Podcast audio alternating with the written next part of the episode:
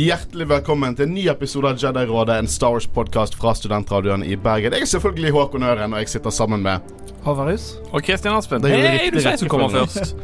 Ja, jeg måtte se på Håvard, han ble så grinete. Ja, han, sa, han sa i sted at han skulle gi meg en bursdagsgave om at jeg skulle få si navnet mitt Ja, men Håkon sa Ja, det var, Ja, ja, men Nå har det vært to episoder der han glemte å klage, så la oss heller uh, bare gjøre det sånn.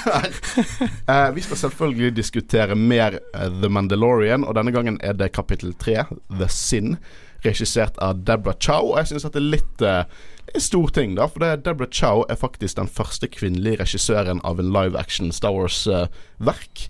og jeg syns hun virkelig slår eh, ball ut av parken med denne episoden. Dette er en av de beste episodene. Dette syns jeg eh, opp til nå er den beste episoden. Jeg har eh, Den neste episoden som jeg syns er bedre enn denne, er også regissert av Deborah Chow. Så hun, hun skal jo eh, styre Kenobi-serien, så det betyr jo bare gode ting. Hun kan dette skikkelig godt. Eh, denne episoden kind of konkluderer eh, trilogien sin episode 1, 2 og 3. Det er, på, det er en liten story arc, og denne episoden konkluderer den trilogien. Eh, så beveger serien seg litt inn på episodisk territorium. Men mer om det når vi snakker om de episodene. Vi skal snakke om The Mandalorian chapter 3, The Sin.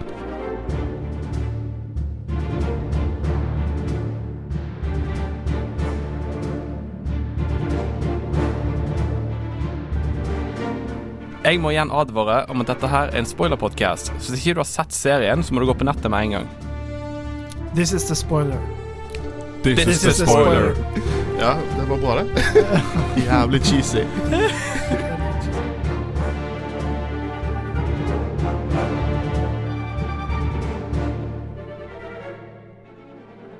The Sin. The Sin. Episoden begynner i space. Du vet hvordan det går, Håvard.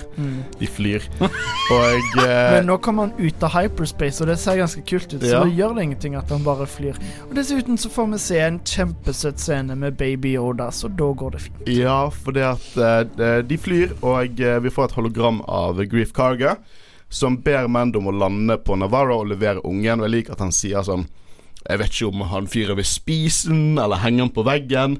Bare sånn at vi får liksom dyttet litt inn at det, det, det er litt eh, shady å levere ungen. Har Mando litt sånn litt sånn usikker på hva han skal gjøre. Eh, og så vil Yoda leke med en sånn liten, sånn ball. En sånn liten eh, kule som er på toppen på en av switchene på skipet. Og han skrur av og skal begynne å leke med den, men han får ikke lov. Og i notatene mine står det Yoda vil leke med en ball, men han får ikke lov. Trist fjes. Det er veldig trist. Ja, jeg syns litt synd på baby Mando Yoda. sier det er ikke noe leke, Men og så tar han vekk. selv om baby Yoda bare er en dokke, så får de fram så utrolig mange ansiktsuttrykk, og øynene Det er bare Det er så b bra gjort. Jeg leste en artikkel i går om at uh, den dukken koster fem millioner dollar. og det tror jeg ikke. Det nekter jeg å tro. Enten koster den, fem, enten koster den ikke det, eller så koster den fem millioner kroner, og Disney holder på med hvitvasking av dollar. Og det tror jeg ikke. det, det tror jeg ikke. Men han har jo ganske Altså- heftige animatronics. Ja, men fem millioner Den spesifikke dokken de bruker i serien. Ja, Jeg går ut ifra de bruker flere. de gjør det med Det er ikke bare én. Nei, nei, med Hero-dukken, liksom. Ah, ja. Den, at den koster fem millioner dollar. Det nekter jeg jo. Fem millioner dollar? Ja, Hva, det, hva er det? 50 millioner norske kroner? altså det er jo, kommer jo an på hva folk vil kjøpe den for, men det er altså filmmemorabilia eller seriemobilier som er verdt Jeg, jeg kan skjønne at den koster så mye å selge Nei, den koster ikke så mye å selge. Nei, jeg jeg vet ikke hva Jeg nekter å tro det. Jeg tror det, det må være en, noe tull som John Favreau sa, og så har folk begynt å tro det. Men eh, i hvert fall, de lander på Navarro, og eh, Mando driver og brifer litt med den baby-Jodaen. Han liksom går med med egget åpent og ser hva jeg har. Han er, det er litt uansvarlig, syns jeg. Sånn enten så driter han litt i hvordan hvor mye fare den ungen er i. For sist gang han gikk med den ungen åpent, så ble han angrepet av sånne Trandoshans som prøvde å drepe han og ungen. Så nå er han litt sånn uansvarlig, eller så bare brifer han sånn 'Å, jeg klarte det, dere har ikke klart det'. Jeg vet ikke hva dere tenker om eh, de scenene, men det er veldig kule scener, for det at vi får på en måte denne verden fra Yoda sine øyne. Du ser liksom kameravinkel fra hans eh, synspunkt, og du ser fullt av aliens og skip som lander, og det er bråkete og skittent og skummelt, og i bakgrunnen kan vi se en quadjumper, som vi så i Force Awakens, som Finn, nei, Finn og Ray prøvde å fly vekk i, før de valgte å fly i Millennium Falcon. Så det er en liten referanse til Force Awakens i bakgrunnen der. Vi får så se Twilex, vi er jo godt å se noen legacy aliens. De får vi se ikke så mye av de i eh, sequel-trilogien, men denne serien virkelig pusher på alt det som fansen har bedt om. Vi vil se Twilax, vi vil se Rodians, vi vil se Sabrak, så i denne episoden ser vi alle de tre. Og vi får se de merkelige romvesenene fra Canto Bite, de som spiller eh, kasinoet som ler. Er det han som er i den sånn alien Sånn liten alien-drakt? Ja, nei, den, han ser ut som en øglemann som hele tiden ler. Fordi at eh, kostymet er helt klart satt opp til at han bare skal le, og denne serien så ser det også ut som han bare sitter der og ler. For han har an ingen andre liksom følelser i dukken. Uh, så jeg syns det er gøy. Det er sikkert samme props de brukte i Last Jedi. Uh, men i hvert fall, The Mando skal møte med Imperiet igjen. Og vi ser noen Stormtroopers som kommer ut, og de er litt uforsiktige med ungen. Og han ber de om å ta det med ro, og de sier 'du tar det med ro'. Som er sånn umoten, syns jeg. Jeg syns de Stormtroopersene faen meg bør være forsiktige med den ungen. Men uh, de kommer inn, og han leverer fra seg ungen. Og Werner Herzog, altså klienten, og Dr. Pershing oppfører seg som, som de vil spise ungen. Jeg tror jeg skrev ned akkurat det klienten sier. Yes, yes, yes, yes. Yes. Very healthy. Werner er glad for at den lever, da. Så jeg å bli sånn usikker på hva som var dealen med det Dead or Alive, liksom, at de var uenige. Men de snakker jo om at de skal extracte Ja. et eller annet sånt materiale. Senere Sikkert gener og sånn. Så det kan jo hende at uh, det teknisk sett går an å bare ta en blodprøve når han er død, liksom. Det er At, sant. eh, men at de helst vil ha han i live, for da kan de ta flere samples. Jeg må bare si jeg digger Werner Herzog i denne rollen. Mm. Han er så bra. Ja, det er merkelig å se han, men uh, Ja, det er han merkelig, han men passer det passer da, altså. Ja, han er bare en sånn shady Imperial. Uh, jeg hadde liksom ikke sagt uh, i hodet mitt at den beste Imperial i, i Star Wars kunne vært Werner Herzog før denne serien kom ut. Ikke at han er det heller, men han bare oser Empire. Jeg digger det. Uh, Mando han får all beskeren sin i en Camtono. Det som er kult med en Camtono, er at det så å si er en iskremmaskin. For den proppen ble brukt i Cloud City Empire Strikes Back, eh, og det var noe de kjøpte. De kjøpte en iskremmaskin, for den så veldig sci-fi ut. Så det er en fyr som løper ut av Cloud City Empire Strikes Back med den under armen, og eh, nå, i denne episoden, så får vi vite hva det faktisk er. Det er på en måte en bærbar safe som heter en Camtono. Men det er en iskremmaskin. Det ser ut som en iskremmaskin fra 70-tallet. og det er gøy at vi får vite det. Eh, det er også knuser hjertet mitt å se Baby Yoda som trist ser på Mando når han blir tatt inn i eh, på både bakrommet til Imperiet. Og jeg, eh, Mando er klart usikker på dette her, og han spør hva de har tenkt å gjøre med barnet. Og Werner han blir veldig fornærmet. Han blir nesten litt sånn trist. Sånn Hvorfor spør du om det? Og så begynner han å si at uh, dette var veldig ukarakteristisk av en fyr med ditt rykte. Og jeg eh, begynner å hinte litt sånn at ja, dette stålet er sjeldent, men enda mer sjeldnere med en ekte Mandalorian. Litt sånn Er du en ekte Mandalorian, du, for du oppfører deg ikke som det? Og Mando ser på han, eh, og jeg, han har jo bare en T-vise og en hjelm, sånn, du får ikke se noen følelser, men allikevel så tenker jeg litt sånn at han, han, han, han har litt sånn 'whatever, old man', og så tar han tingene. Og det igjen sier litt om hvor bra denne serien er lagt opp i forhold til produksjonen med musikken og kameravinkel og sånn. Fordi at du skjønner hva Mando tenker, Mm. selv om han ikke fjerner hjelmen. Og det synes jeg er en bragd, og det er ikke noe Det tror ikke er noe enkelt å utføre. Nei, og du ser det veldig, veldig godt i denne episoden spesielt. Mange scener i denne episoden som virkelig eh, dytter på det hva Mando føler, uten at vi faktisk ser det, uten at han sier hva han føler. Vi bare Vi tolker ganske korrekt hva Eller vi tolker hva han føler. Mm. Og det er kult. Ja, det er skikkelig bra regissert episode. Det er det absolutt. Deborah Chow, altså hun vet hva hun holder på med. Uh, nå har jo uh, Mando fått seg nytt lut. Han har fått uh, betaling, masse Beskar stål, så han drar tilbake igjen til stammen. Tilbake til smeden for å bygge rustning. Det som er litt gøy med den, det, eh, første episode så fikk han litt, og så bygde han seg en ny rustning. Så får han masse, bygger han seg en ny rustning. Dette er som et sånn rollespill. Det, det er liksom sånn Ok, du får nytt lut, nå må du oppgradere karakteren din. Så det er som et spill. Ellers er det som meg som bruker hele lønnen min med en gang på Star Wars-leker. Men gud, for en kul rustning han får nå. Å, fy søren. Vi må komme tilbake til det, for det er mange kule scener når de bygger rustningen. Det kommer en sværing av en Mandalorian, og jeg, i subtitlesen så kaller de bare en Heavy Mandalorian Infantry. Men hans navn er egentlig Paz Wisla. Og stemmeskuespilleren her er John Favreau, som er litt kult. Jeg liker også veldig godt designet, for han ser veldig annerledes ut enn andre Mandalorians. Han har på en måte heldekkende rustning, mye mer kantete rustning, og han minner meg veldig om Mandalorian som vi så i The Old Republic MMO-et. Veldig Old Republic-stil. Veldig eh, Den med fulle rustningen og hvordan T-visoren er. Den er litt sånn breiere og mer kantete. Eh, jeg liker designet veldig godt, altså psykisk på den actionfiguren.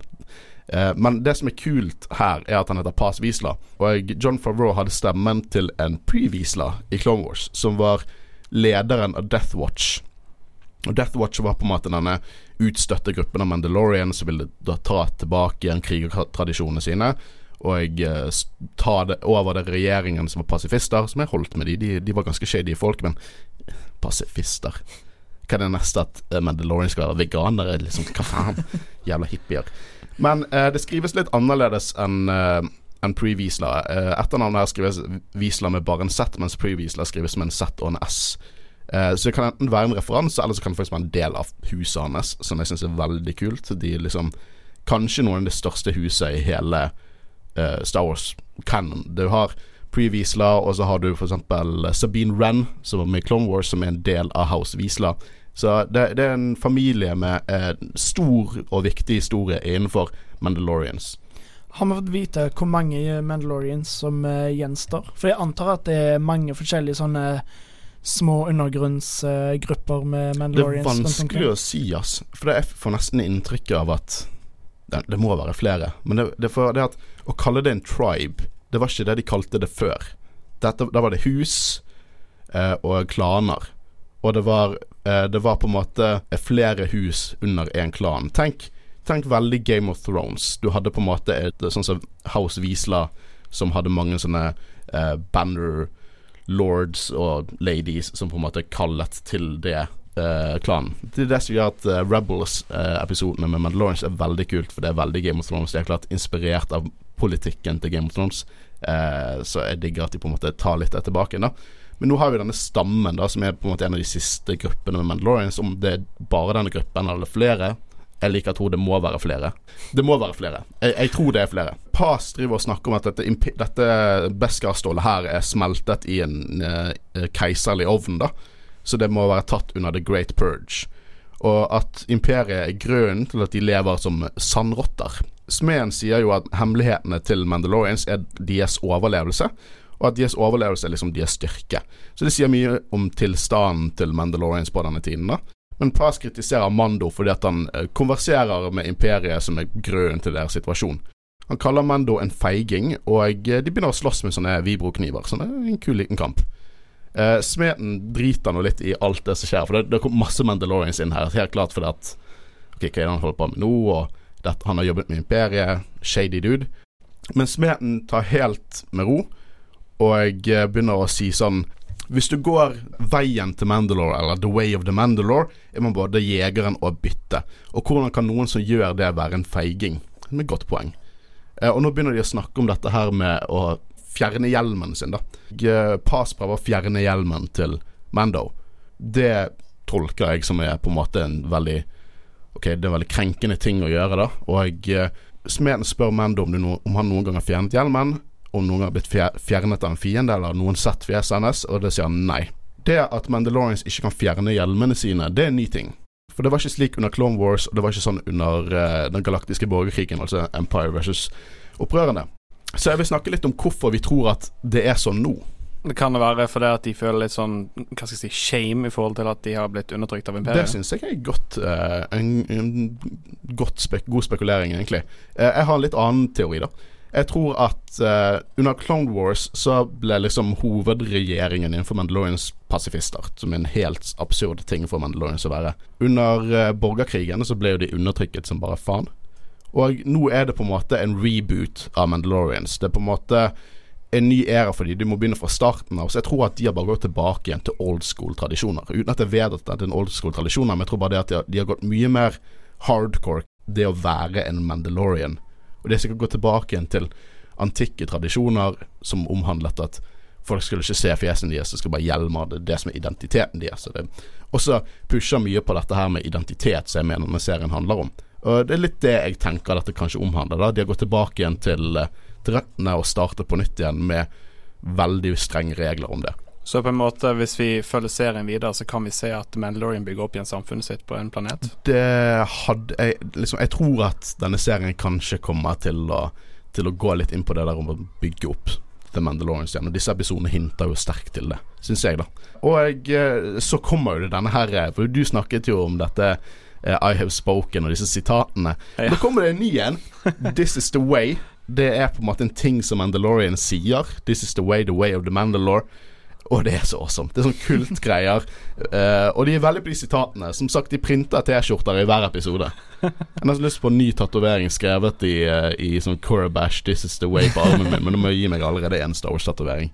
Men nå er jeg føler meg litt skitten for å ha Empire-tatovering nå. Jeg heier ikke på de i denne serien. Jeg har gjort en feil? Det sto Empire-flagg på armen min. Det går ikke vekk. Jeg prøvde å advare deg. Jeg prøvde å advare advare Ja, heller det enn eh, blodtørstige terrorister som er opprørende. Men de begynner å snakke om rustning, da. Og smeden vil gi han en signet som er Mudhorn, da. Fordi at eh, Mando forklarer at det var Mudhorn som gjorde alle disse skadene. Han ser jo ikke ut når han kommer inn der.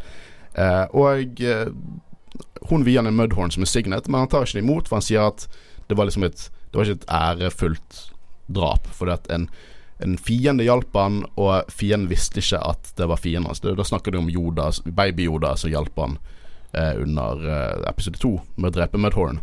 Det jeg, litt, jeg faller tilbake og kaller han Yoda hele tiden, men jeg må bare understreke det er ikke Yoda. Nei, men Jo, var det er død. Ja, det, barnet. Baby-Yoda er så mye søtt. Jeg, liksom, jeg, jeg smiler litt hver gang jeg sier Baby-Yoda. Han eh, tar ikke imot signeten, da, men da sier hun at hun skal lage noe som heter Whistling Birds. Et våpen, sjeldent våpen til han. Og det som er kult med Whistling Birds og Vi får se det i aksjon senere i episoden, men det forklarer noe som jeg ikke visste om Bobafett Whistling Birds. Fordi at på armrustningen til Bobafett, det er jo Mandalorian eh, armrustning, så har du på en måte noe som ser ut som en missil. Jeg trodde det var det. Det var bare en missil. Men en missil med masse hull i, som de tar på en måte inn disse små Whistling Birds i. Nå vet jeg hva det er. Aldri visst det før nå. Og det, det bare Denne serien gir meg ny, nye sånne tilsynelatende ubetydelige detaljer som jeg bare kan hekte meg fast på. Det digger jeg. Mens hun smer rustningen eh, til han, så får vi mer flashbacks til Clone Wars. Vi får se mer av droid gunshipsene. Mer av Super Battle Royce, Og vi får egentlig konkludert det at foreldrene til Mandalorian ble drept under dette angrepet. Så det forklarer veldig hans forhold til droider, da. Som jeg syns er en kul karakterbakgrunn for uh, han her. Vanligvis uh, så synes jeg at uh, flashback-scener kan bli litt sånn Litt sånn on the nose, på en måte. At det er ikke så bra gjennomført. Uh, og det er jo ikke så mange flashback-scener i Star Wars heller. Uh, men det funker veldig bra her, egentlig. Og måten det er redigert på at uh, Fordi det er jo mens eh, den smeden smer rustningen. Bare hammeren treffer, så får du på en måte flashback med en sånn eksplosjon. Det, jeg syns det er veldig bra laget. Og musikken eh, heter Hammer Time. jeg syns det er veldig kul. Uh, den er også veldig passende til det. Veldig dramatisk. Det som zoomer inn på hjelmen til Mandalorian mens det skjer. Og du merker at dette er ting som har definert den. Og vi kommer til å få se mer av de flashbackene jo mer serien går. Det er en veldig kul måte å fortelle en historie på, syns jeg. Og eh, neste scene, Christian. En Mandalorian går inn i en bar. Here we go again. Å, fy søren så badass han er i den nye shiny-rustningen sin. Sånn chrome og svart, og han vet hvor badass han er. Han en, det er nesten en annen gange i hvordan han går fordi han vet han er badass. Han har brukt opp hele lønnen sin på nye leker. Det kan jeg respektere. Eh, og eh, alle de andre dusørjegerne bare hater han. Han vet det, han, er, han vet det, de hater han fordi han er så good. Og han går bort til Griff Carga, som roper selvfølgelig 'Mando!' Eh, og han forteller jo at alle hadde tracking fobs, men det var Mando som var den beste. Og at Grief Karga også fikk betalt i Beskar, som han viser til Mando. Og er ikke det ganske respektløst? Jeg vet ikke om hvis jeg var det universet at jeg hadde bevist at jeg hadde Beskar til en Mandalorian. Det, det er liksom som å bare Det er liksom å kjøpe Som en nordmann kjøper en kilt og bare går ut og går med det foran en skotte. En skotte kjøper en bunad og går foran en med en nord nordmann? Det er liksom sånn Dette er noe kulturelt og religiøst for dem, så eh, at de våger. Men er det kun Mandalorian som har Beskar? Nei. Eh, jeg må gå tilbake på noe jeg sa i eh, episode 1. Det er ikke Mandalorian som er eneste som på en måte bruker Beskar og vet hvordan de smer dem. Jeg tror at det er de som tradisjonelt bruker de rustningene sine. Men f.eks. en av Nights of Ren eh, har et uh, Har Beskar-øks han bruker. Eh, og eh, det er på en måte kjent som et veldig godt metall. Og på denne tiden så blir det også brukt som currency, penger, fordi at det er så sjeldent. Det er som diamanter, liksom. Det, det, det, det, det er kjent for sine liksom, properties, og det, det er som vibranium, rett og slett. Men da vil han ha ny jobb, da, men Griff Carger sier at han eh, Han tar det med ro, jeg kan ta deg med til Twilek Healing Bath. Er det prostitusjon? Det høres ut som prostitusjon. Jeg føler liksom Mando er på en måte sånn han prøver, Det er liksom wannabe Lando. Lando og Mand ordet Mandalorian kommer jo i samme film. Der, Men altså, så- eh, eh, karakteren er eh, dødskul. Mando Carolician. Mando Carolician. Å, eh, å, de er slekt! Uh, Long lost brother. men jeg vil snakke om prostitusjon med dere. Ja. uh, uh, hæ? Ja, for det er hintet til prostitusjon her, helt klart. Jeg tar deg til healing, uh, Twilight Healing Bath. Det er sikkert en sånn, en, sånn spa med happy ending eller sånt. Ja, det er jo helt klart det det er. Heal. Det er alle som kan det bare være et helbredende vann. Twilight Healing Bath. Og et file, ja. Hvis jeg hadde sagt uh, The Hut Healing Bath, jeg kan ikke skjønt det, men Twilight um, Og han sier nei. Det er så stress, for jeg må ha hjelmen min på. Uh, nei, det er ikke det, jeg, det er ikke det han sa. Men uh, han får en ny jobb, da, uh, som er mot en eh, å finne en Mon Calamari. Søren til en eller annen eh, politisk person. Ikke noe big deal. For han går jo ikke etter denne dusøren til, til slutt, da, men eh, han er fortsatt usikker på alt dette med ungen. Så han spør eh, Grief hva imperiet skal med ungen, men Grief sier det er imot guild-koden, og at imperiet er vekke. Dette er bare krigsherrer og leiesoldater. Og han, dette liker Dette er kanskje min favorittdialog i hele denne episoden. For det at Grief driver og spøker. Hvis du har noe imot det, så kan du dra til skjermen og rep eh, rapportere de til eh, The New Republic. Og så svarer Mando Det er en spøk. Som sier my enda mer om hvordan galaksen er. Og det er dette jeg liker med Star Wars. Sånne ting som dette som er på en måte Ja, gråsoner, jeg vet jeg snakker om det, men greit nok. The Good Guys vant i slutten av episode seks. Tilsynelatende The Good Guys. La oss ikke glemme det. Good guys. Ja, og eh, det er jo ikke sånn at alt Eksempel i vår ekte verden Alt er ikke en happy ending. Rogue One. Hver side gjør shady ting. Og ja, når du har en revolusjon å ta over, så kommer det til å være shady begynnelse. Og vi vet jo sånn fra å diskutere Force Awakens hvordan politikken gikk, eh, gikk i begynnelsen av, av The New Republic med Mon Mothma, som fjernet eh, 90% av hæren til republikken. Og da er det kanskje ikke beskyttelse mot noen av planetene, og disse i Outer Rim de på en måte sliter mest. da Du merker jo på økonomien at eh, imperiet er tilbake til en viss grad. Ikke sånn som det var før, men det er på en måte farlige imper, eh, imperialske eh, små grupper i utkanten av eh, galaksen som på en måte gjør mye shady, men nye republikken gjør ikke en dritt med det. Men har det egentlig ikke alltid vært sånn? Fordi i Phantom Menace så er det jo på Tatooine som er i utkanten, og der er jo heller ikke republikken uh, tilstedeværende, eller Nei, for det, er republikken eh, i prequelsene er ikke noe bra eh, liksom styre da heller. Så når Empire tok over, da eh, fikk de mer kontroll i Ja, The er Outer det, Rims? for det, det er jo det republikken var så å si lagt opp for at en gal dude, eh, liksom onkel Shiv, kunne bare ta over og gjøre hva faen han ville og starte et stort, sterkt styre. Det er jo det som er dealen med prequel, det er at eh, republikken er liksom ikke på sitt største der. Det er derfor jeg er veldig hypet på dette Project Luminous, at hvis det skal være i High Republic, som er 400 år før det, kanskje vi får se på en måte republikken i sin peak, da, når Jedi faktisk er det Jedi eh, prøver å være, og er på sitt store. Jeg tror det kunne være veldig kule ting å se. Vi vet jo ikke 100% at det er det som skjer i Project Luminous, men det er blitt hintet til i leaks og i tegneserier med konseptet High Republic, som ikke er noe vi har hørt om før eh, Count Dooku-bokene som kommer ut, og eh, Cardoman-tegneserien kommer ut. Og det er det Leaksen sier det skal handle om, så får håpe det er det det handler om. Det kan være en kul historie å få se. Men i hvert fall tilbake til Mandalorian. Eh, han, nå sier Grief Cargan noe andre, da. Eh, bare, bare Jeg kan skaffe deg en Camtone over Spice. Eh, og så glemmer du det med en gang du er ute av hyperspace. Og det er narkotika, det. Det er narkotika. Ren narkotika. Eh, og prostitusjon og narkotika i under 60 sekunder i en Star Wars-serie. Sier at dette er ikke nødvendigvis laget for barn. Jeg elsker den mørke tonen. Jeg elsker at vi får noe som er litt mer modent. Ikke det at Star Wars er ikke umodent. Jeg sier at Josh Lucas sa at han lagde Star Wars for tolvåringer. Jeg sier at han lagde det for tolvåringer i alle aldre. Hvor er Poe? Er Poe her? Er han i live? Poe Er han han, født? Poe er født, ja. Han er vel fire år. Å ja, så han har ikke begynt å smugle ennå. Nei, det kan godt hende at han begynte å smugle. Han begynte tidlig. Men Mando skal fly, da. Men før han på en måte setter i gang, så finner han liksom denne lille kulen som Baby Yoda eh, lekte med. Og bare den måten å representere hva han føler og tenker, er perfekt. Man stopper opp, ser kul, holder den. Eh, og heldigvis, Håvard, så flyr han ikke. Fordi at man merker med musikken og kamera at ting går gjennom hodet hans, og han skrur av skipet og går ut, for han skal fikse dette. Jeg begynte nesten å juble Det der og drivstoff kommer vi til å høre resten av podkasten over. resten av livet. Resten av livet.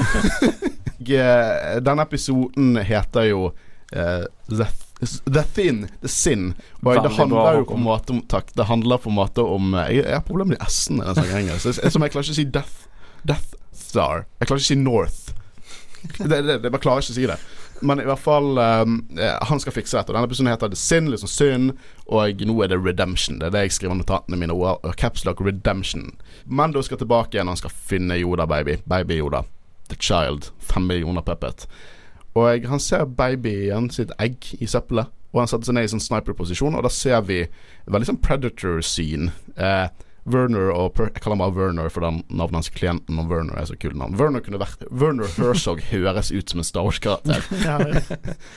I hvert fall han Grandmoth Herzog, liksom. Det funker.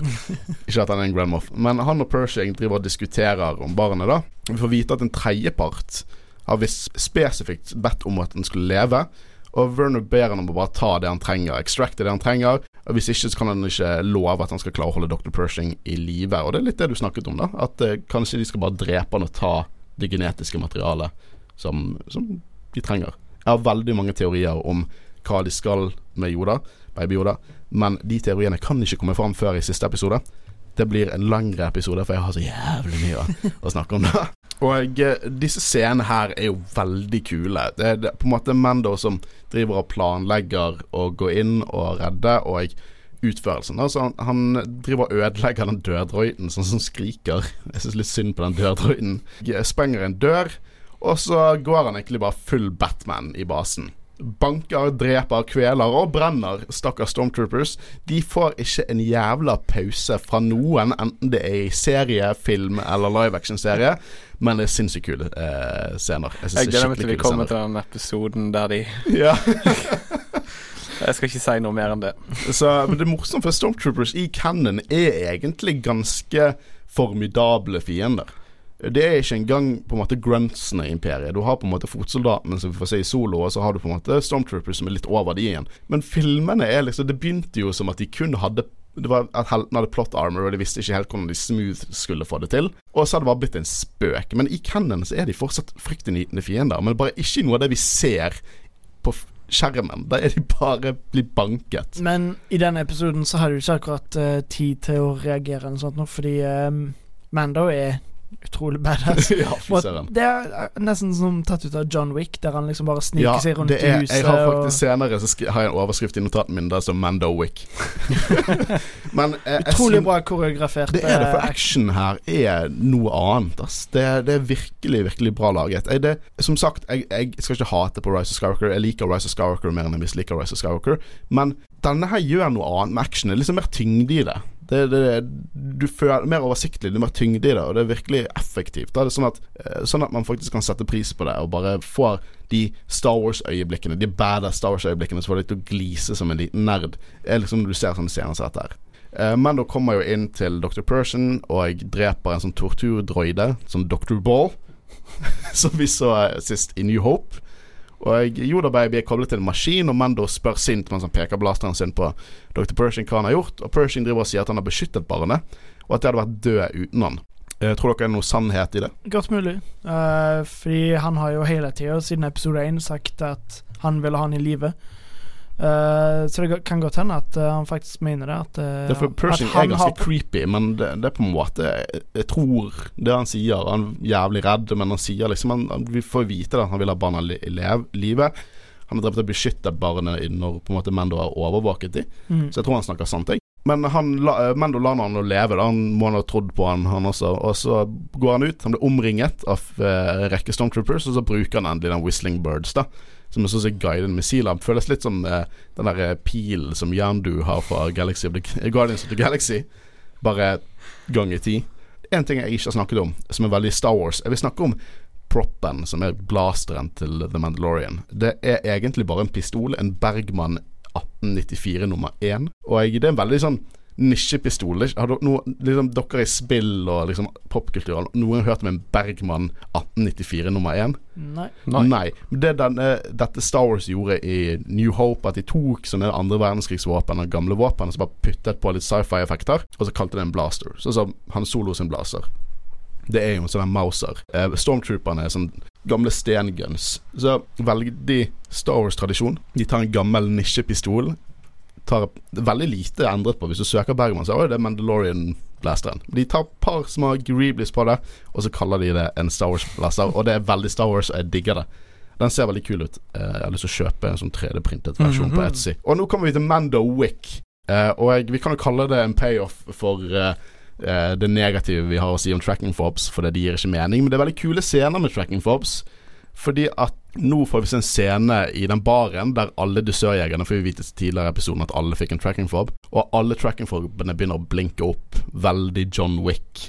John Wick 2, er ikke det der det på en måte alle får liksom beskjeden om at John Wick er tilbake igjen på Har du sett den? Jeg har ikke sett noen av dem. Du er jo i kinosyndromet.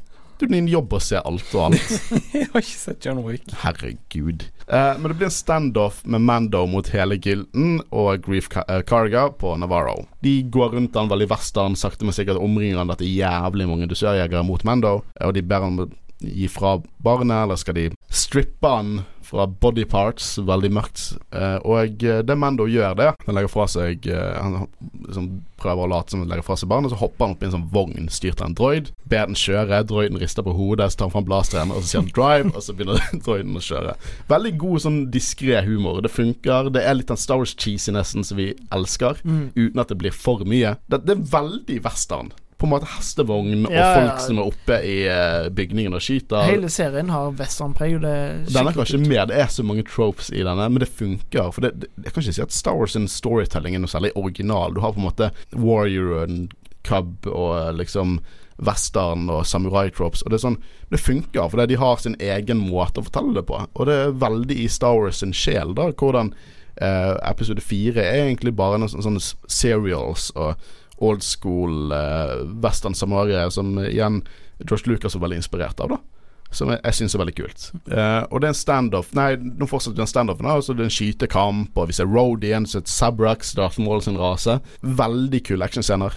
Eh, og jeg, Mendo tar fram pulsriffelen sin og fortsetter med å pulverisere folk. Og da blir litt, de litt sånn Å, det var imponerende våpen. Og så prøver de å omringe han, men fortsetter å kjempe. Og så er det et øyeblikk der alt ser veldig bad ut. Uh, masse skyting, Mandalorian Det er et rolig på en måte øyeblikk der The Mando ser på barnet som ligger og sover, og vi skal liksom tro at ok, nå, nå er det slutt, nå så ser vi en missil over han, og nå kommer resten av Mandalorian-stammen til unnsetning. Og Hvis det er én ting disse skitne dusørjegere ikke kan eh, takle, så er det fuckings Mandalorians. Å, fy faen, denne scenen. Holy shit, denne scenen. Det er som Det er som at Du jeg husker Clone Wars-episodene når det er sånn Mandalorian Civil War på Mandalore. Det er rett ut fra det, bare live action. Den Ja. scenen når Obi-Wan kommer ut eh, i den serien og ser bare fullt av Mandalorians som flyr på hverandre. Det er rett ut av det.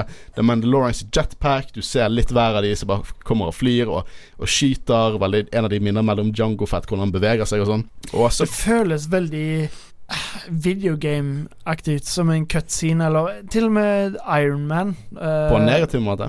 Ja, men nei, egentlig ikke. Nei. Fordi det er cheesy, og det er teit, men på så perfekt teit mulig måte at det er så kjekt å se på.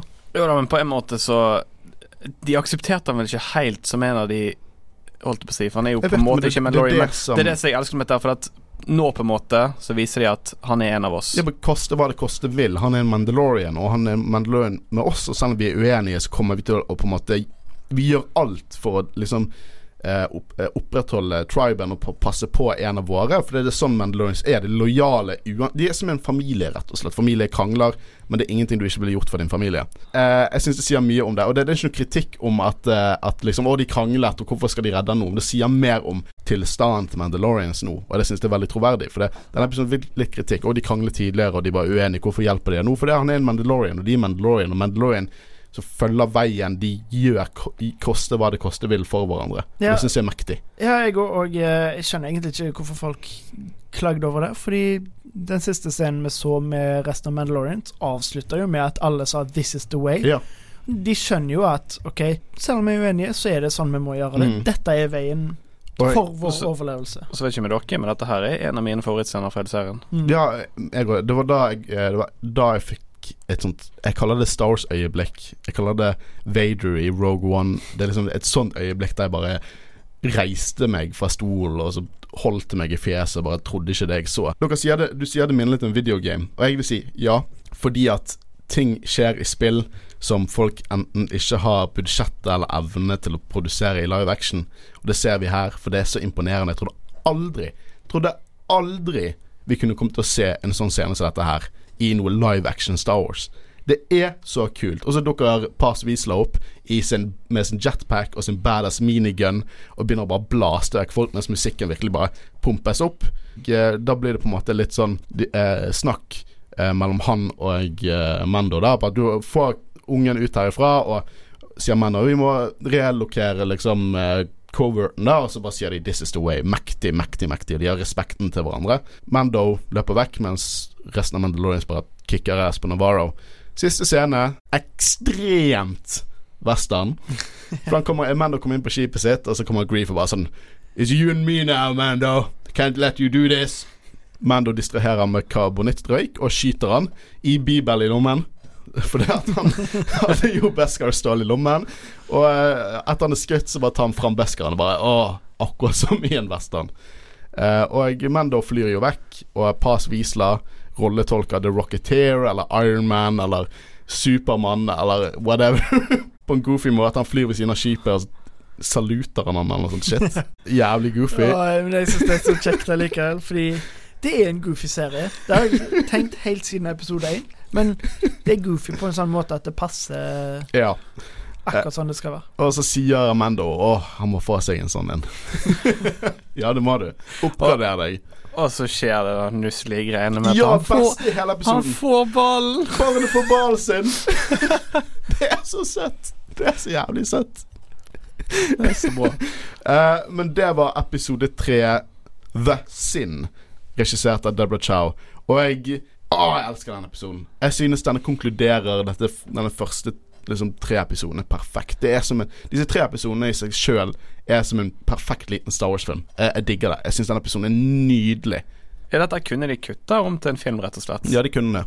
Og eh, denne episoden er på en måte heavy på eh, karakterutvikling. Eh, heavy på liksom litt mer stille følelser av det øyeblikkene, der vi får vite litt hva folk tenker, og sånn. Og så er det action er bare du, du, kan ikke slå den action. Det er så bra. Fy søren, mm. så bra det. Og det er ganske utrolig hva de får fram av uh, karakterutvikling, uten å si noen ord, egentlig. Ja, det er, helt, det er utrolig. Mm. Ja, det er en nydelig episode. Ingenting mer synspunkter, på en måte å si. Jeg, jeg syns det er Så langt, i hvert fall, så er altså, det favorittepisoden min.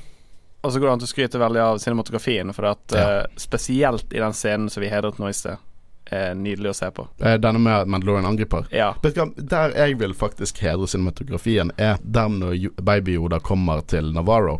Fordi at du får et helt annet inntrykk av Navarro når du ser på en måte Du ser kameraet fra for hans eh, øyne. Du ser liksom veden blåser, og han får det et skip lander, og han reagerer litt på det. Du ser mye mer høylytt liksom landsbyen som går forbi, at det er helt klart uh, skummelt for han. Og på en måte skummelt for, for oss. Fordi at Baby-Yoda gjør noe helt utrolig effektivt i forhold til The Mandalorian. Fordi at man er liksom ikke redd for at The Mandalorian skal dø. I hvert fall ikke så eh, liksom nå tidlig i sesongen. Fordi at uh, han er hovedpersonen, og han er en badass Mandalorian. Og han kan jo ikke dø, men vi er livredd for at noe skal skje med Baby-Yoda. Vi er livredd for at noe skal skje med Baby-Yoda. Og det gjør at det funker så sinnssykt mye bra. Det, det er genitrekk å bare la denne eh, serien handle om de to. En som er sårbar, og en som er badass. Og på en måte la de lære av hverandre. Og den sårbare rett og slett gjør at vi som publikum er litt mer sånn usikre på hva som kommer til å skje. Og noe perfekt, at stakesene Dette er grunnen til at jeg synes at Ok, Hvis jeg trekker MCU inn, da. At jeg synes Civil eh, War en langt bedre film enn Winter Soldier, fordi at Winter Soldier har for høye stakes. Du vet at de ikke kommer til, bad guysene ikke kommer til å vinne. Men Civil War er bare en karakterdrama som faktisk gjør det at de taper i den filmen. Og sammen med Dark Knight Jokeren skal ikke drepe hele Gotham, han skal drepe én båt med folk. For én båt med folk kan Det kan skje, og verden vil fortsatt være der. Stakesene er såpass lave at de er høye igjen. Mm. Og det syns jeg denne serien gjør perfekt. Jo, det er jeg helt enig i. Som du sa, jeg var på en måte ikke redd for at Mandalorian skulle dø, men jeg, jeg var usikker på sånn, Jeg tenkte kanskje de faktisk gjør det, og så blir det til en hevndrama med Ja. at han skal ta hevn, liksom. Men Og eh, som du sier, Baby Yoda er utrolig sårbar. Samtidig så er han jo veldig sterk òg. Han Ja. kan ting. Eh, men uh, de, de får jo det fram veldig godt i den scenen du nevnte, med når han ser Navarro. Fordi han Han vet jo ikke hva ting er, men- så du ser liksom måten han liksom bare ser rundt og oppdager nye ting og alt mulig sånn. Så det er um, veldig kul scener. scene. Det er effektiv historiefortelling, syns jeg. Mm. Og eh, så langt er dette min favorittepisode. Kanskje jeg elsker den episoden. Er nesten ingenting. Jeg kanskje kunne ta vekk den Rocketeer-øyeblikket på slutten, men eh, ellers syns jeg at det er en perfekt episode. Jeg tror jeg ga ni av ti på IMDb. Det er Nydelig, nydelig episode. Dette er den eneste serien der jeg har rated hver eneste episode på IMDb. Det gjør jeg aldri. Men uh, her måtte det til. Det var The Mandalorian chapter 3, The Sin. Der klarte jeg det. Uh, vi skal jo dekke fortsatt eh, mer Mandalorian, uh, og nå har jo vi kommet oss forbi tre første episodene. Vi har fem episoder til. Og jeg, eh, jeg gruer meg litt til vi er ferdige, jeg. Og så gleder jeg meg til at i høsten når sesong to kommer ut Kanskje den kommer ut eh, Kanskje Disney Plus er i Norge, da sånn at eh, vi faktisk får ut episodene mens de kommer ut. Kan vi spektisere litt. Spe spankulere. Spekulere. Der kom det. Men vi har vært Jedi-rådet. Mitt navn er Håkon Øren, og sammen har jeg sittet med Håvard Russ. Og Christian Aspen. Og vi snakkes neste uke. Ha det bra. Ha det bra. Ha det bra.